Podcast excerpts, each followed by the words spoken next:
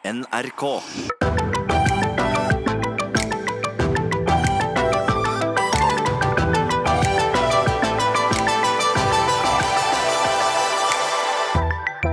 Da jeg var 14 år, hadde jeg spiseforstyrrelser hvor målet var å ha hender hvor blodårene syntes og kragebeinet stakk fram. Nå er jeg frisk og har lært meg verktøy for å være glad i kroppen min. Vi snakker mye om kropp i dagens samfunn, og det får meg til å lure om vi egentlig blir mer glad i kroppene våre av å vise de frem og snakke om de hele tiden. Vi sier at vi må normalisere alle mulige kropper, men er kropp bare kropp?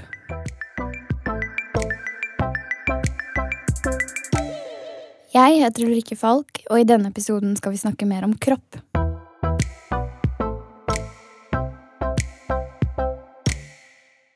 Det er lett å hoppe rett til tykk versus tynn, og ja, vi må innom det også, men først, hva er det som egentlig er viktig med kroppen?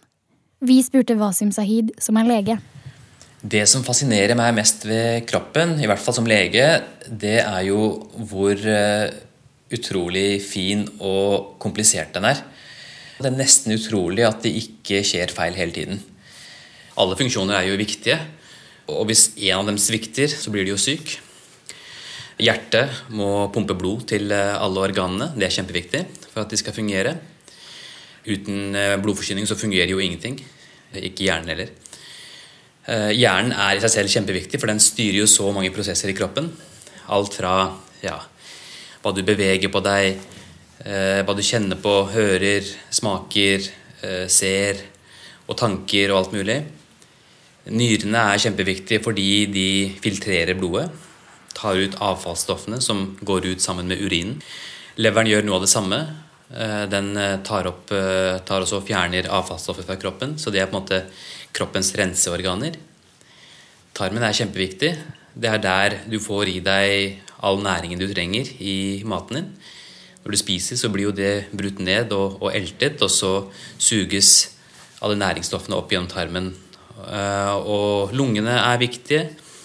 Det er jo de du bruker til å puste med. Få oksygen inn i blodet og CO2 ut av blodet. Muskler selvfølgelig er du helt avhengig av. Skjelettet ditt er du helt avhengig av for å kunne stå og bevege på deg. Nervesystemet det samme. Huden er kjempeviktig fordi den beskytter deg mot uh, bakterier og, og, skader utenfra. Øynene, må selvfølgelig ikke glemme de.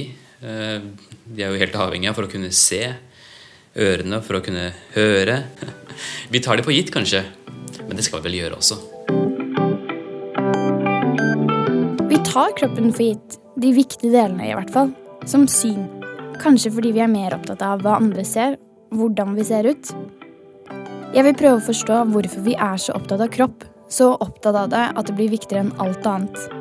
Viktigere enn å være frisk og viktigere enn å være ungdom. Jeg møtte en som heter Fride for noen år siden. Da var hun 13 og hadde allerede vært alvorlig syk i to år. Jeg ville spørre henne om hvorfor en jente på 11 år bestemmer seg for å gå ned i vekt. Men vi skal jo i hele denne episoden om kropp, så snakke, prøver vi å snakke om kropp på en annen måte. Ja. Ikke sånn 'kropp er bra, og alle må elske kroppen sin'. Nei. Men bare prøve å forstå hvorfor vi er så opptatt av kropp. Ja. Og du fortalte, eller du sendte en, en liten sånn tidslinje hvor du skrev at det starter med at du ikke hadde det bra. Mm. Hvordan kom du frem til at det å endre kroppen din skulle forbedre det? Ja eh, Nei, jeg liksom Jeg ville være mer sånn som alle andre jentene. Fordi helt fra barneskolen så var alle de kule jentene på en måte De var liksom sånne tynne streker. Mm. Du ville passe inn? Ja, jeg ville passe litt inn. Jeg følte meg litt annerledes enn dem. På en måte. Hvordan var det det startet, da? Det startet ganske smått med at jeg Eller jeg begynte vel først å tenke litt sånn at jeg måtte spise litt sunnere eller, og kutte ut. Og da var du hvor gammel? Elleve eller noe. Mm. Ja, det er veldig rart å tenke på. Elleve-tolv. Ja. Så da kutta jeg liksom ut å spise sånn usunne ting, da, på en måte. Godteri og og søtsaker og sånt. Det var liksom det første. Det er jo litt sånn uskyldig start. da. Ja, det er jo ikke så skummelt at dattera di ikke spiser godteri. Nei. Hvordan, Hva skjedde videre? jeg hadde, jeg hadde sett på Jeg så veldig mye Jeg søkte liksom opp på nettet og sånt. Som hva som var sunt og sånne ting. Og kom jo alt mulig opp når man er på nettet, så det kom ofte opp sånn at man burde være glutenfri og alt sånt. Ikke noe karbohydrater? Ja. Mm. Jeg, på en eller annen måte så hadde jeg veldig vondt i magen. Jeg vet ikke helt hvorfor. Det kan godt være pga. at det var mye stress og sånt. Da sa jeg med en gang til pappa å, jeg har veldig vondt i magen, jeg må prøve å være glutenfri. Eh, så prøvde vi det, og så funka ikke det, liksom. Og så prøvde jeg å være laktosefri, og ja. Og det var egentlig mest fordi jeg hadde hørt at det var sunt. Du bare startet å lage masse regler? Ja. Og jeg vet ikke om det Jeg tror på en måte det handlet litt om Jeg vet ikke, at jeg ville ha kontroll over noe. på en måte. Var det en tid hvor du tenkte sånn Nå begynner det å gå bedre? Fordi du gikk ned i vekt, eller fordi Ja. du hadde kontroll? Ja, på en måte, ja. Fordi det begynte å bli sommer, og jeg var litt, følte meg liksom Klar for sommerkroppen? Ja. ja.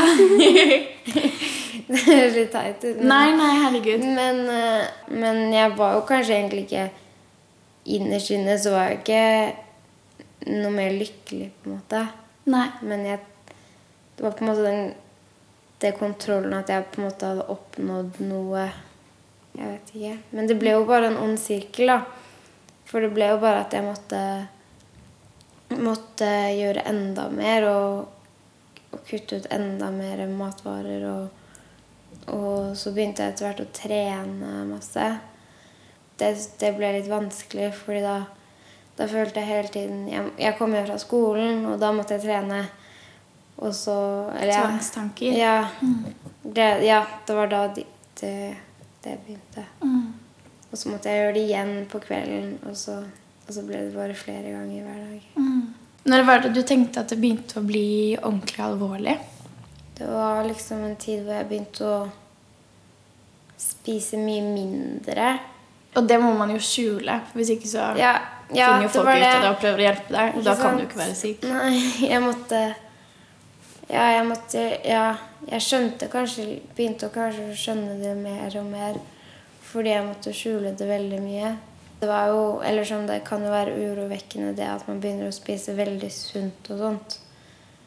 Um, men det ble vel ordentlig alvorlig rundt Ja, da jeg begynte å spise veldig lite.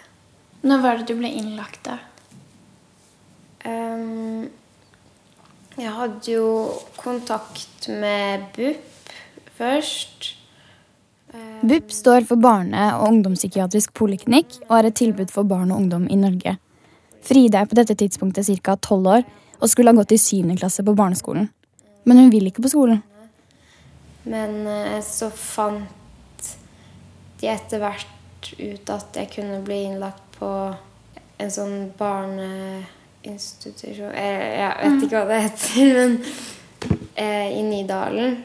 Og der var det skole også, da. Syns du det var fint å være der?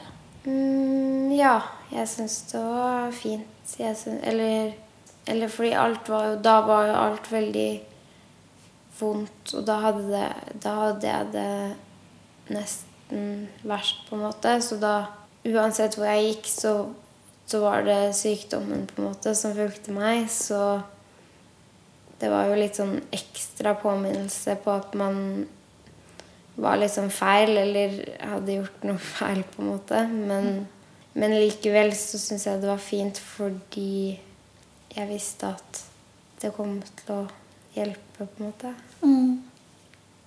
Jeg var innlagt på Det var ikke Nydalen, men det var Ullevål sykehus. Det synes jeg, og da var vi jo bare to stykker som var innlagt samtidig. Oi, ja.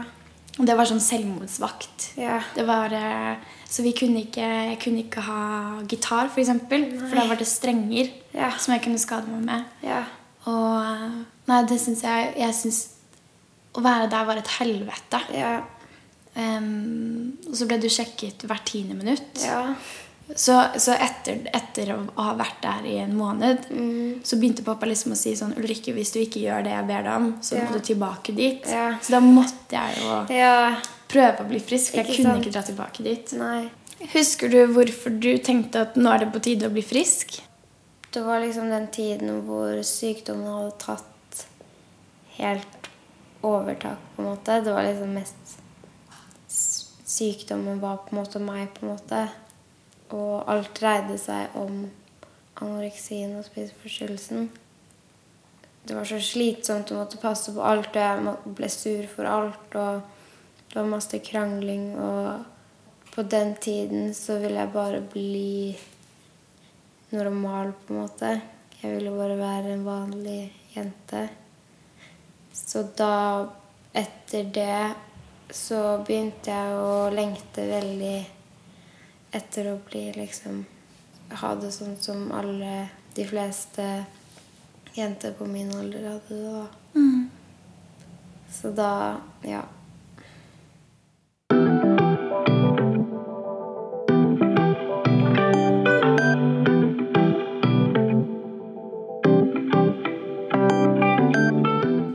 Fride startet med å bare ville passe inn, så hun bestemte seg for å bli tynn.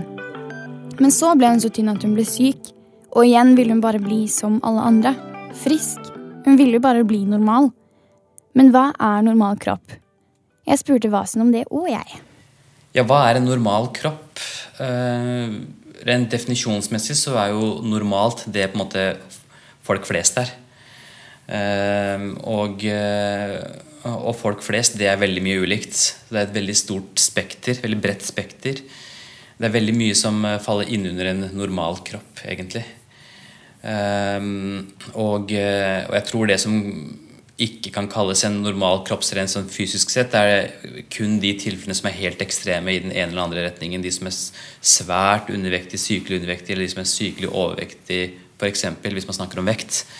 Uh, men, men, de aller fleste faller jo inn under et eller annet sted i midten her og, og er normale. Så eh, du kan eh, godt være litt undervektig og litt overvektig og normalvektig og likevel være, ha en normal kropp, vil jeg si.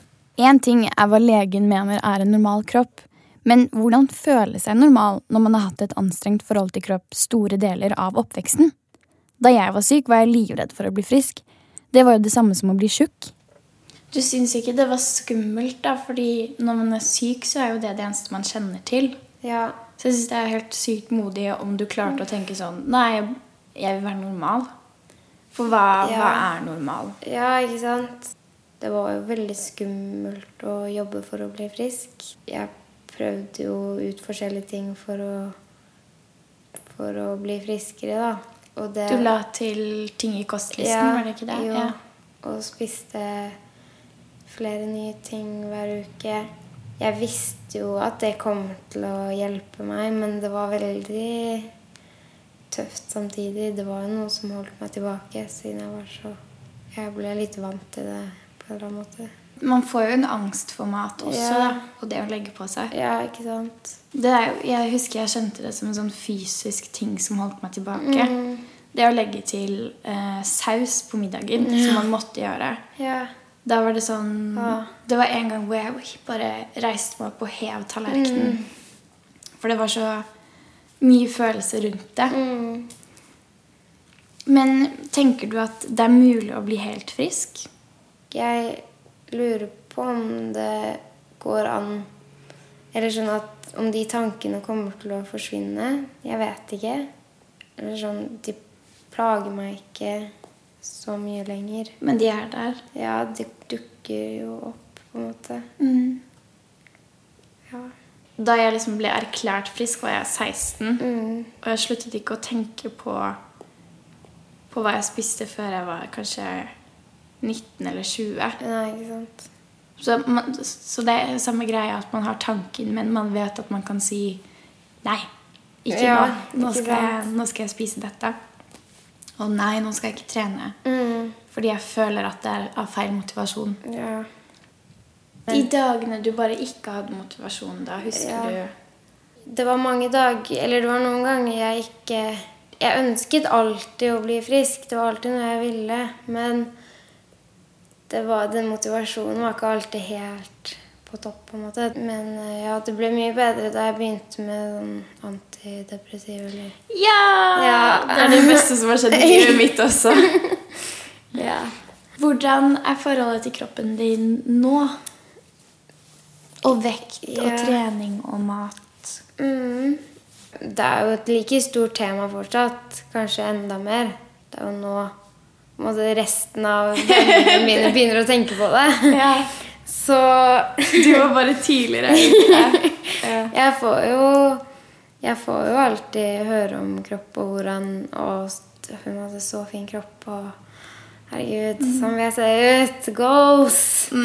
Men uh, jeg er glad Jeg er glad i meg selv, og jeg vet at jeg på en måte har en sunn kropp, og det føles, det føles riktig. Og da Nei, jeg tenker sånn uansett om man har litt to kilo for mye, liksom, eller hva det nå er, så Eller hva det står på vekta, så er det ikke så viktig. Og så så er det så utrolig negativt fokus. Ikke sant? Det er en dødskjedelig samtale. Ja. Mm. ja, ikke sant. Nesten alltid når man snakker om kropp, om det er i media eller bare med en venninne, så er fokuset så negativt. Jeg møtte Karina Karlsen, og hun mener at folk synes det er verre å være feit enn å være slem. De siste årene har hun blitt det vi kaller kroppspositivist, og det møter hun masse motstand på. For eksempel, bekjemper man egentlig kroppspress ved å vise enda mer kropp? En annen type kritikk av kroppspositivisme er at det fremmer overvekt. Mm. Eh, fordi kvinner står fram og er stolte, uavhengig av hvordan de ser ut. Mm. Men jeg, jeg lurer på, hva svarer du til den type kritikk? Eh, at det fremmer overvekt? Jeg tenker jo at det er veldig synd at eh, folk eh, tenker på den måten, fordi jeg tenker ingen tenker at oh, nå skal jeg gå opp 50 kilo. Jeg så Karina, var fornøyd. Eh, og så tenker jeg at eh, hvorfor skal ikke jeg kunne mene noe som er bra for oss alle, bare fordi at jeg er tjukk? Eh, og da, har du jo, da er det jo inni dette kroppslandskapet allerede at det er liksom opp til en viss størrelse, så kan du få lov til å ytre deg. Eh, og ellers så må du gå ned i vekt. Det er jo så trist. Eh, og det tror jeg har med at selv om du har denne såkalte idealkroppen, da, hvis du kan si det, denne, um, denne Instagram-kroppen, eller hva jeg skal si, den som vi alle higer etter å få, så er du fortsatt ikke bra nok. Og det syns jeg er så urettferdig og så synd. For meg i hvert fall, jeg har funnet kroppspositivisme ganske nylig. Eller har skjønt at det er det, det, det budskapet jeg vil stå for. Hvordan, hvordan fant du fram til den bevegelsen? Ja, hvordan gjorde jeg det? Um, jeg fant igjen en eh, stil, for eksempel, som jeg skrev når jeg var eh, første videregående, eller noe sånt. Som handler om uh, hvordan vi bare må slutte å bry oss, og heller være glad i kroppen vår. Mm. eh, så jeg har jo vært uh, ubevisst kroppsaktivist siden jeg var 16. Uh, jeg, ja, selv når jeg var syk, jeg har jo hatt bulimi, um, så har jeg jo hatt den underliggende. Eh, men det er vel først via sosiale medier. Men det var nok mange av de veldig sånn radikale eh, jeg støtte på når jeg først begynte. Um, og det var nok mye fat activism fremfor body positivism. Mm. Hva er forskjellen på det? Sånn jeg har oppfatta forskjellen, er jo at fat activism handler om at vi skal akseptere feite folk, og at det liksom er det er det kuleste, og det er det beste. Eh, Jeg føler jo at um, Min oppfatning i hvert fall av fat activism gjør at uh, jeg føler at det ekskluderer veldig. Så jeg anser meg heller som en kroppspositivist. Uh, fordi at det favner alle. Uavhengig av kjønn, alder, kropp. Ja. Jeg ekskluderer Sofie Elise fra kroppspositivismen. Og forskjellen der er jo Jeg tror jeg ville ekskludert deg også hvis du hadde satt deg seksualisert deg selv. Em, hvis du hadde spilt på altså det mannlige blikk eh, Da hadde jeg det, um, De ekskluderer jeg fra kroppspositivismen. For min del så får ikke de lov til å være med. Uh, og det er litt sånn hyklersk ting. For jeg sier jo at alle kropper er bra, men men det handler om hva intensjonen din er idet du poster et bilde på sosiale medier også. Altså, det her er noe jeg debatterer jevnlig òg, da. Og Også når det gjelder eh, ja, si Sofie Elise, da, og, og den type bloggere, så er det litt sånn eh, Tenker jeg kanskje man må stille seg spørsmål ok, hvorfor gjør du det? Eh, hva er grunnen? Um, og så er jeg jo enig med intensjonen, men Ja, for, for, fordi det jeg ser eh, Idet hun legger ut eh, en film av seg selv i rød badedrakt, mm. eh, som kliner med seg selv i et speil, eller tar seg selv på rumpa, eller holder opp puppene, så er jo hele intensjonen der, i mine øyne, se, se på kroppen min, se så flott den er. Mm. Ikke, ikke alle kropper er fine. Nei. Um, jeg skjønner uh, Jeg skjønner hva du mener, og så tenker jeg at Men kan det ikke da være uh, For jeg, jeg, tenker at det er veldig lett at vi da tenker at uh, det er for å tilfredsstille det mannlige blikket, og det tenker jo jeg automatisk også. Men for, å, liksom, for diskusjonens skyld, da, kan man ikke da tenke at det er for å vise at jeg er fornøyd med min kropp, og jeg viser dere det? For hadde man nå sa du jo litt om det i stad, men hadde du reagert på samme måte hvis jeg med min kropp gjorde det, eksempel? Men det tror jeg. Ja. Ja og da er det jo greit, tenker ja. jeg, for da er, du, uh, da er du jo standhaftig på det. Men veldig mange ville tenkt annerledes. At det er ikke greit at bare du og jeg, at ikke du hadde gjort det fordi at du er mye tynnere enn meg. Mm. Og så hadde det vært politisk aktivisme hvis mm. jeg gjorde det. Men um, ja. Ja. Jeg lurer på Nei, herregud. Uh, sorry. Um, Nei, men det, det, er en kjempeinteressant diskusjon. Ja. Men det, det, jeg vil bevisstgjøre, er jo um, Jeg tenker at hvis du er så glad i kroppen din, hvis du er fornøyd med kroppen din mm.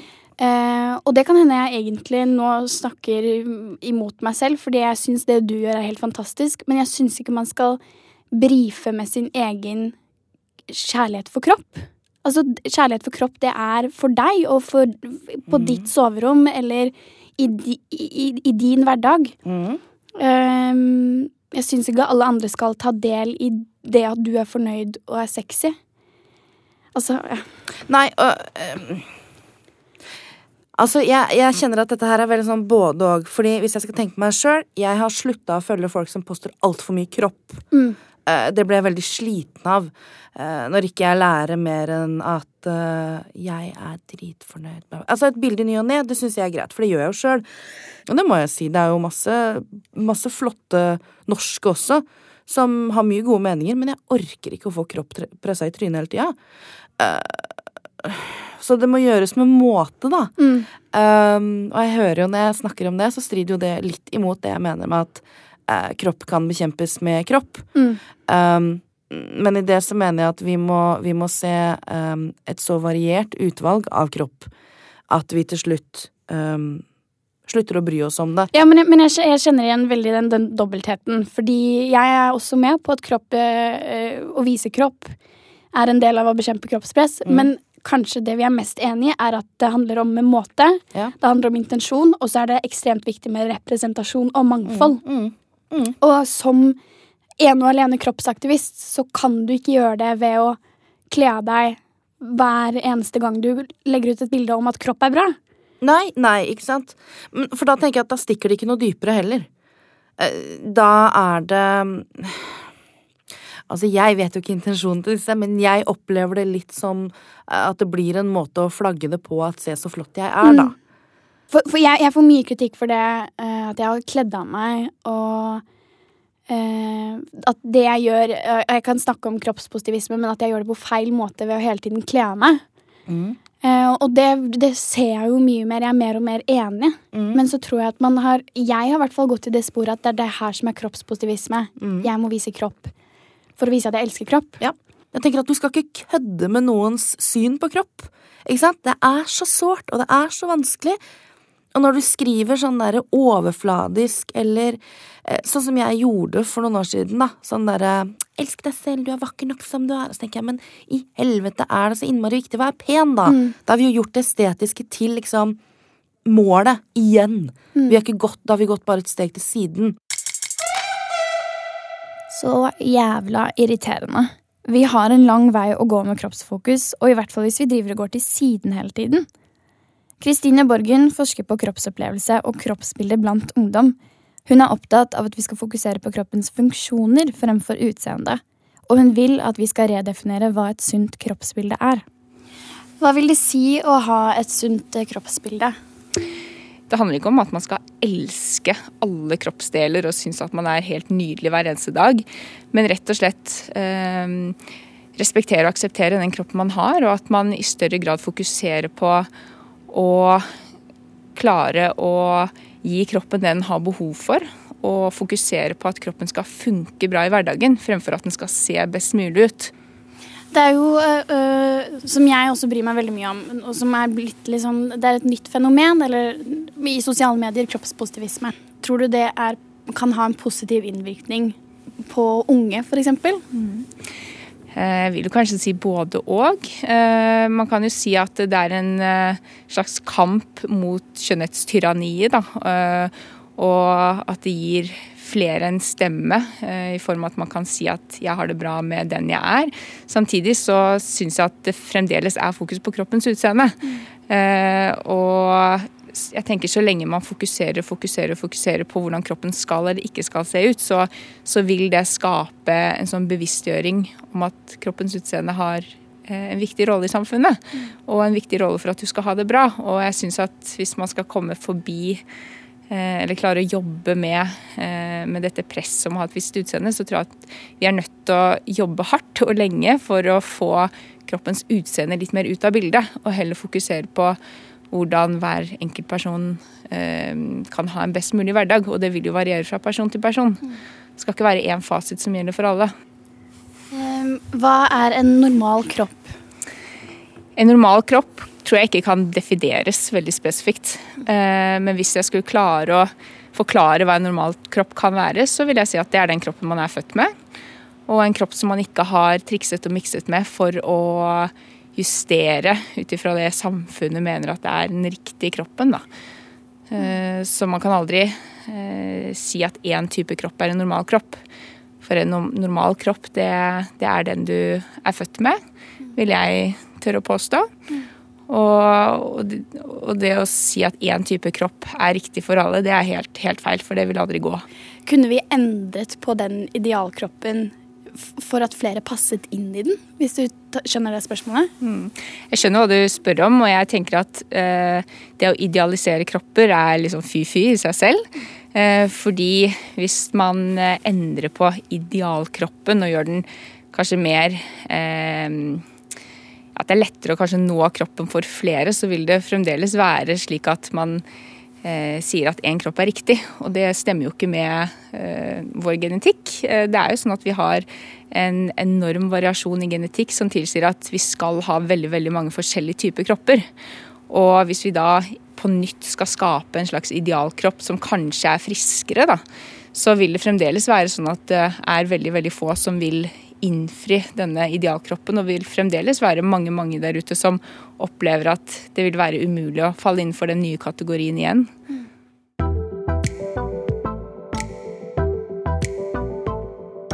Et sunt kroppsbilde er å ha en kropp som fungerer i hverdagen, fremfor en som ser bra ut på fest. Det er jo et perfekt syn på det. Jeg er 21 år og skulle ønske at jeg så det sånn mye tidligere. Lillebroren min Felix er bare 17 år, og så er han gutt. Opplever han kroppspress?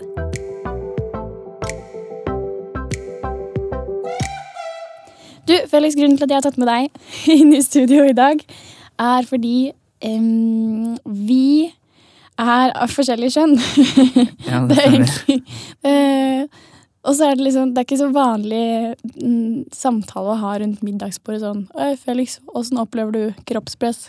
Ja, det... Um, og så kan jeg egentlig bare starte med Eh, spørsmålet føler du på kroppspress? Jeg legger jo merke til, ikke bare på meg selv, men også andre, at vennene mine og jeg snakker en del om at vi føler oss litt ikke perfekte, på en måte. Mm. Uh, og så jeg, ja, kjenner litt på det. Ja, men fordi jeg, jeg, har hatt noen få, veldig få samtaler med gutter om kroppspress. Og det mm. de fleste gutter sier, er sånn Jeg føler ikke så veldig mye på det. Av og til så tenker jeg at jeg burde ha sixpack, men det er ikke så farlig. Ja. I motsetning til jenter som er sånn Jeg tenker på det hele tiden, og jeg vet ikke hva jeg skal gjøre. Nå har jeg fått anoreksi og bulimi ja. og Altså i Min teori er også litt at jenter snakker mer om det enn gutter gjør. Ja, det Nå snakker ikke jeg for alle gutter, men mine venner og jeg snakker Det er ikke det eneste samtalen vårt. Det er ikke sånn at vi snakker om det en del heller. Det er bare hvis vi kommer over på det at ah, vi må dra og trene, eller Så kan vi liksom dukke litt opp at ja, nei, jeg føler meg ikke helt perfekt. Jeg skulle ønske jeg hadde sixpack, eller jeg skulle ønske jeg var bedre trent, og, og så videre. Hva svarer du hvis en kompis sier det til deg? Så sier jeg bare ja, same. Ja. Og jeg vet ikke det, Men det er veldig, da stopper du jo samtalen litt der, da ved å si ja, enig. Jo, nei, men jeg prøver jo å fortsette å liksom spørre litt hvorfor og hva man kan gjøre for å forbedre det, da. Mm. Eh, og da blir vi jo enige om at ok, vi kan begynne å trene litt mer sammen, eller vi kan prøve å styrke hverandres vilje til å trene, da. Oppmuntre hverandre. Ja, oppmuntre hverandre. Ja. Fordi jeg tenker um, Jeg har aldri hørt gutter snakke sånn.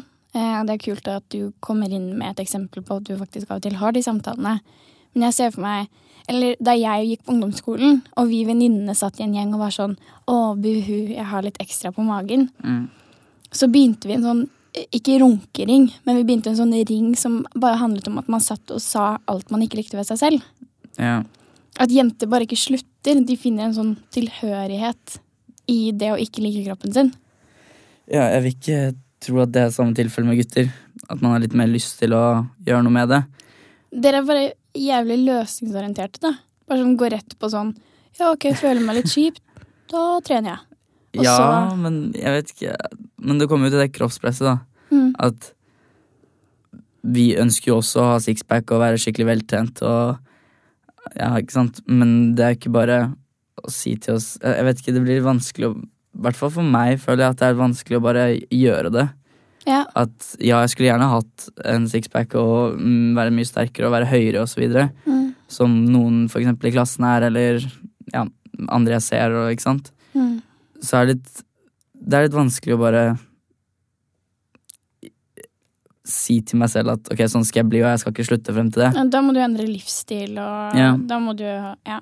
Men øh, hvorfor skal du ha sixpack? Hva, hva, hva ville det gjort for deg? Jeg vet ikke Man kan si at hadde jeg, ikke, da hadde jeg fått flere damer, for eksempel. Flere damer? Ja, Det verste er at det kanskje er sant. Kanskje han hadde fått seg flere damer om han hadde sixpack. Det er ikke noe galt med sixpack. Trening er jo bra, det. Men det burde jo handle om å være frisk. Vi skal høre litt fra legen igjen, Wasim. For hva er egentlig en frisk kropp?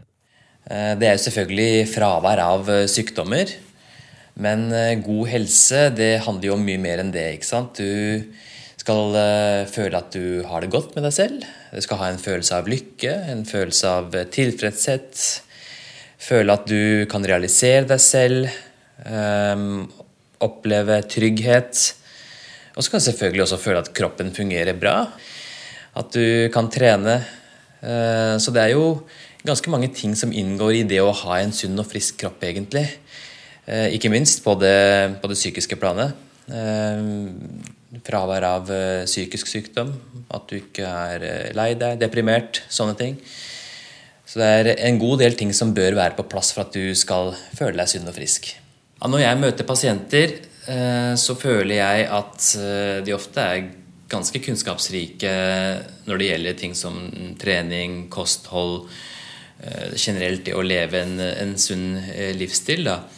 Eh, Men jeg syns mange undervurderer eh, betydningen av, eh, av stress, hvordan det kan eh, skade kroppen. Alle er veldig opptatt av å stå på og, og oppnå mest mulig og best mulig resultater på jobb, på skole, eh, blant eh, kjente og venner. Eh, At man ikke tenker at eh, kroppen og, og du har begrensninger. Og blir det for mye av det, så, eh, så går det utover helsa di. Eh, og jeg tror det er det som folk uh, undervurderer mest, egentlig. Uh, at det skal settes av tid til hvile. Du skal gå og surre litt for deg selv uten å ha noe å gjøre også. Du skal sove nok. Søvn er det mange som undervurderer viktigheten av.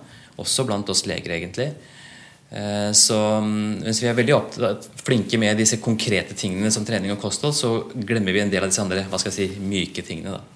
Jeg tror når folk eh, bekymrer seg for eh, kroppsvekt eh, og, og fett på kroppen og sånt, så er det nok først og fremst utseendet som er viktig. Det er jo så mye fokus på at man skal være veltrent og slank, og både blant gutter og jenter. Og vi ser det i, på TV og på reklame. og, og Gutta er liksom, alle har svære muskler og null fett på kroppen, og jentene her er kjempetynne og også veltrente og muskuløse. Eh, så, så det er jo det som gjør mest inntrykk. Uh, og når du da titter ned på din egen kropp og ser at du ikke har helt det samme, så tenker ikke du akkurat på at å, nå har jeg økt risiko for diabetes eller hjertesykdom. Så det er jo gjerne utseendet uh, som på en måte som trigger ønsket om å gjøre noe med kroppen. Og det er kanskje ikke helt uh, Det er forståelig, på en måte, for det er jo det du ser, men det er kanskje ikke helt heldig, fordi det er ikke sånn at du må være helt uh, ribba for fett og uh, ha svære muskler for å ha en sunn kropp. Uh, at du må være kjempeslank. Det er ikke det som det er ikke det som på en måte er avgjørende for om du har god helse eller om du kommer til å leve 100 år eller ikke. faktisk Så klart, du bør ikke være overvektig, men det holder å være normalvektig. Du trenger ikke å ha kjempestore muskler, du trenger ikke å ha sixpack. Eh, du trenger ikke å ha kjempegod kondis for å ha god helse. Eh, men eh, så, fokuset bør være mer på at du kan være ute og jogge litt, trene litt. Du har en kroppsvekt som er passelig, og ikke på at du skal se ut som en toppidrettsutøver eller en supermodell. For i det ligger egentlig ikke noe helse.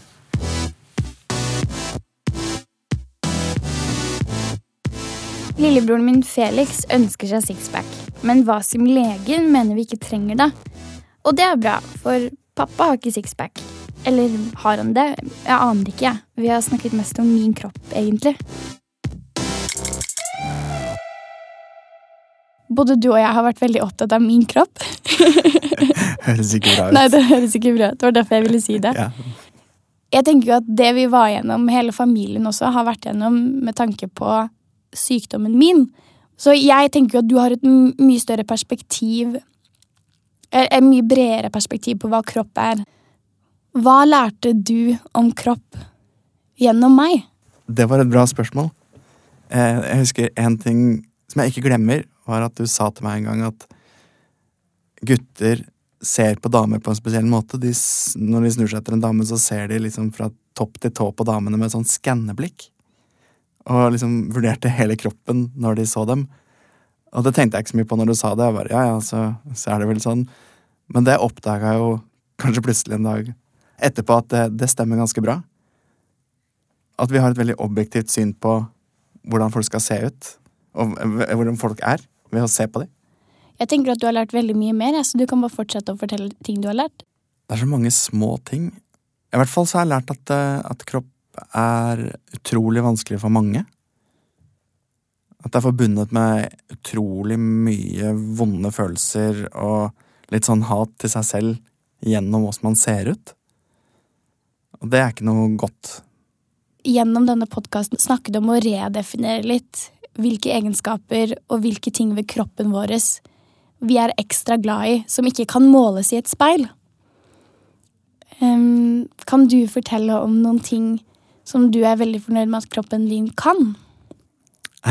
Ja, jeg syns jo at jeg er fornøyd med at jeg kan er ganske smidig fortsatt og myk og er litt sterk. At det er potensial i meg, på en måte. Det syns jeg er kult. Det liker jeg. Og det har ikke så mye med hvordan jeg ser ut. Funksjonen, ikke utseende. Er kropp bare kropp? Den er en del av deg, akkurat som at hvis du er mye trøtt, så er det en del av livet ditt. Det er jo deg, en del av deg. Men jeg tenker at, eh, at, akkurat det du snakker om, den funksjonsgreia, at du, du, kan like ting kroppen din gjør, heller enn ting enn den, hvordan den ser ut, den har jeg veldig sansen for.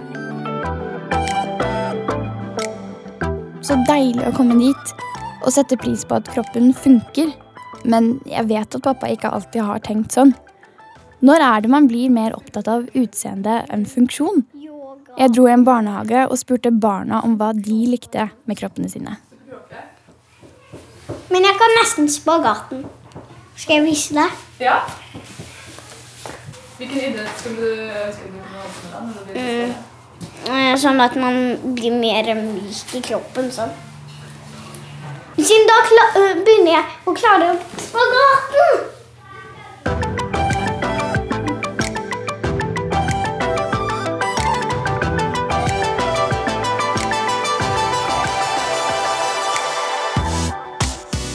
Barna er opptatt av funksjon og pappa. Selvfølgelig er forskeren og legen også det. Men mellom der har vi møtt Fride, som var så opptatt av at kroppen skulle passe inn at hun ble syk. Felix tror jo fortsatt det handler om å se bra ut. Også Karina, da, som kanskje ikke er så opptatt av funksjonen, men av å ha det bra. Og Wasim sier jo at en stor del av det å ha en frisk kropp handler om det psykiske. Det handler om å ha det bra. Jeg er den beste versjonen av meg selv når jeg har det godt på innsiden. Det har ingenting med utseendet mitt å gjøre.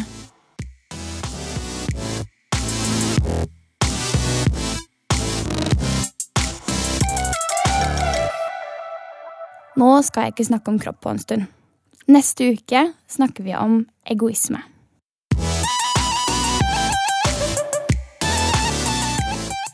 Produsert av Rubicon for NRK.